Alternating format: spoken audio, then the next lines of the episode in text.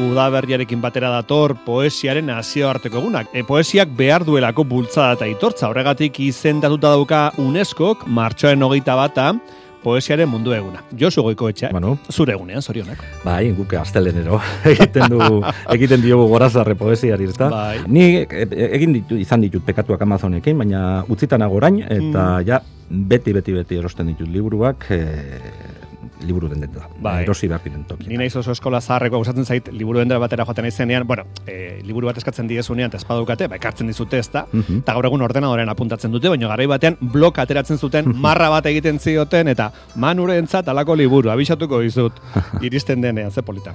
Polita. Bai, Bueno, gaur ekarri duan liburuaren argitaratze datari erreparatu diot eta kontxo. Ohartu naiz denbora benetan dabilela guarrapatu nahian. mm, Gotzon barandiaran lagunaren katamalo poema liburua dakar gaurkoan, mhm. haren urte betetze egunean, urteak, Ah, urteak urte bai. Ah, zoriona gutzon. Hori da, opari txiki bat izango da, berantentzat. 2000 eta zazpikoa da liburu hau. Ama urte igarro dira ja, susak, sus argitaletxeak argi, argitaratu zuen. Katamaloa, zer da katamaloa? Katamaloa da maskara, eh, txantxoa, mozorroa. Egin, egin zuten eh, talde bat ere, osatu zuten larrabetzun Hori katamalo izan izenekoa. katamalo taldea ere bai, bai. Hori da, bat, gotzonen poemekin, eh, kantuak egin, eta gero beste batzuen letrak ere uste izan zirela, ze uste dut ibili de txoa izan zuela, bidizko egun zituztela, Mhm. gorka urbizu ere batu zen eh, taldera, beraz, eh, eta justot jentearen gogoetan hiltzatuta geratu den taldea dela katamalo. Katamalo, bai. Guk aur liburuko poemak irakurriko ditugu.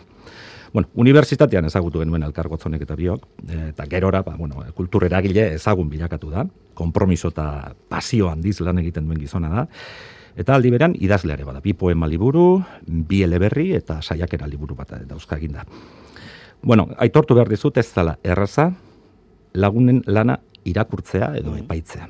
Eh? Beti dago egilea ezagutzearen ostopoa, ezta? obraren eta norberaren artean. Bueno, berriz irakurri dut katamalo asteburuan, Bai, ah, pixka bat begi urrunagoz, eta iruditu zait ahots eh, indartsu eta aldi berean delikatu bat daukan liburu bat dela hau. Eta ahots hori da politikoa, goitibera ezarrita diguten eh, statu quoaren eh, salatzailea, nolabait. Da ume baten ahotsa, da maitale baten ahotsa, eta da etorkizun hobe baten esperantzan dagoen ahots poetikoa. Lehenengo poemarekin eh, hasiko gara, Vale. badakizu zer den ostondu edo ostendu manu? Enuen ezagutzen eta orain dela gutxi, e, Bai. Uxune Martinezi entzun nion, bera garaikoa da, garai harrikoa, eta berari entzun nion, ostendu. Nik gerora entzun dut, ba, e, poema honetan ikasi nulako hitza, baina gerora bai, jente batzen hitzetan eta agertu zaite hitz hau. Bueno, mendebaldeko hitza da, eta esan nahi du, gorde edo eskutatu. E, ostondu, ostendu, gorde, eskutatu. Mm? Guatzonek ostondu erabiltzen du. Mm? Ostondu. Zenbat gauza eskatu, eskutatu ditugun eh, gure bizitzan, ezta? Oh, pentsa. Seguru denok ditugula gure sekretuak. Hala ere, urrengo poemak eskatzen duena arago doa. Poza eskutatzeko eskatzen digu. Garai hauetan, poza ere susmagarria izan daitekelako. Mm. Ostondu sakon poza, gorte sakon poz klandestinoa.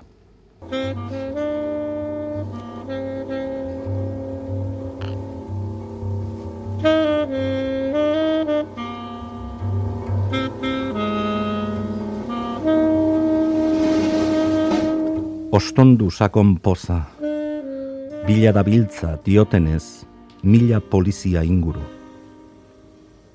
Mozorrotu trapu zaharrez, osterantzean, seguru, minez behar dute goza. Ostondu sakon poza, badatoz usnaka, ospela eta bekaitza, biankatan edo launaka harri eta guzti dator ekaitza, epeldu ezina izango da hotza. Ostondu sakon poza, aldarrikatu zukalako malerusik ez duela neork ezagutu. Malkoak ez dizula egiten utxik. Ezin zaizula euripean lehortu, pozminez duzun bihotza ostondu sakon poza zaude beti atezuan. Ez lokartu atzarri, dantzatu atzeskuan. Ez diezazutela igarri, zoriontxua denaren lotxa.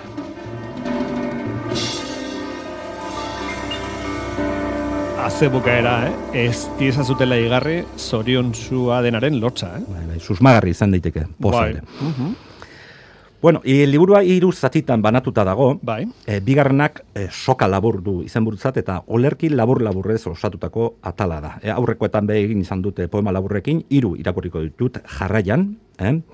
Hiru hauetan dago amon, amamaren oroitza, amonaren oroitza, lehenengoan, maitasun berri baten itxaropena bigarrenean, eta zenbait galdera, eta ihartutako maitasun bat hirugarrenean. Hauek dira, hiru poemak soka labur atalekoak.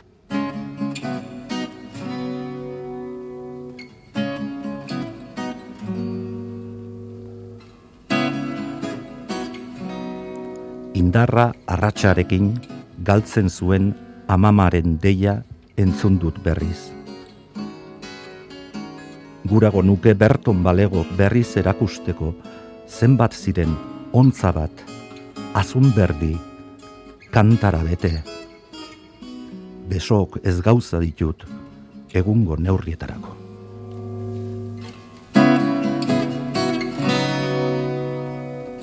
Ez dakit zertarako, baina agian neure bizitzako maitasuna aurkituko dut gaur. Negarrik gabeko egun honetan. Bizitzako maitasuna aurkitu? Zer esan gura du horrek?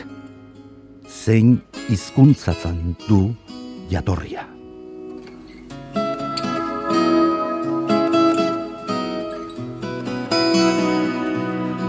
Otalorea hasi da alde egiteko autobusa hartu zenuen geltokian. Zaindu gabeko lorategia da zure oroitzapena.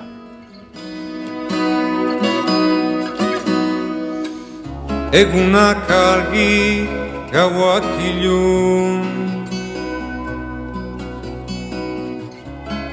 Baditun zenbait egun urte Ila eta zazpireun mende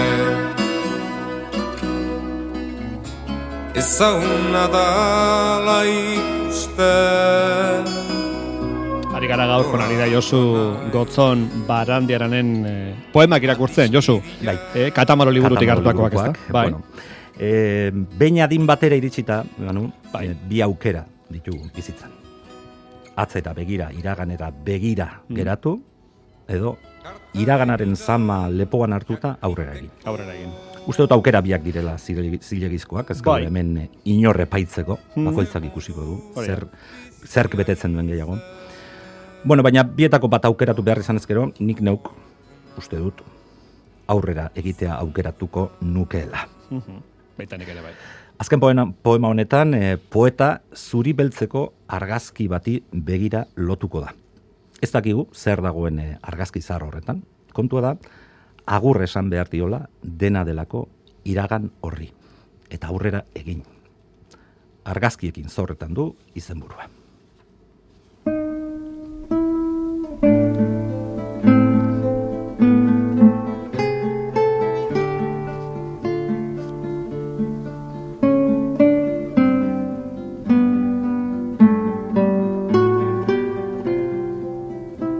Zinez argazki zaharra azkenekoz natorkizu.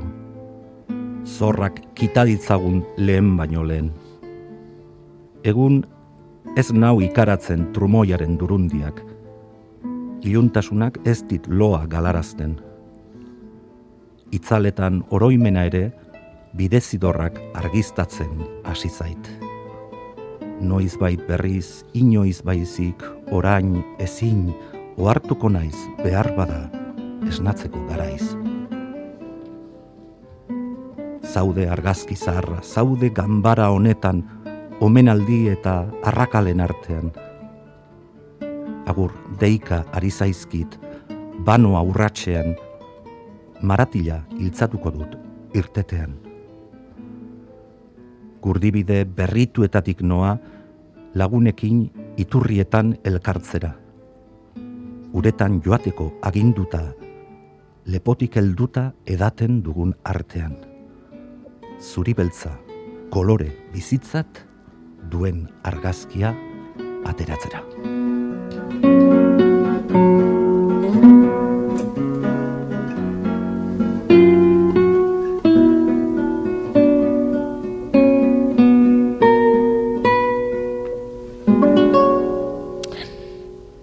Katamalo liburua, gotzon barandiaranek idatzia, duela urte batzuk, baina, bueno, berreskuratu duguna gaur Josuren tartean. Bai, E, eta oso gomendagarria, eta irakurtzeko modukoa. Entzuleak oso egoten dira, Bai. Josu, eta lehen aipatu dugu ostondu edo ostendu hitza, esan dugu Bai. gorde, eskutatu dela.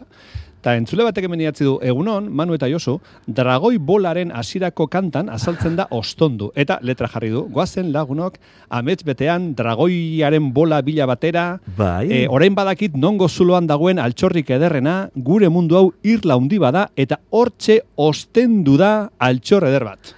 Okerrez banago Xabier Amuriz aritzen zen Ah, bolako, seguro. itzulpen, letra eta olakoak egiten, eta, bueno, Xabier Amurizak, bueno, olako hitzak eta beste amar mila ba- baditu bere barnean sartuta. Eh? Ostenduta altxor eder bat. Gorde eta altxor eder bat, eh? Osongi, urrengo astean poesia gehiago. Agur, Josu, Agur. besarkada. Aio.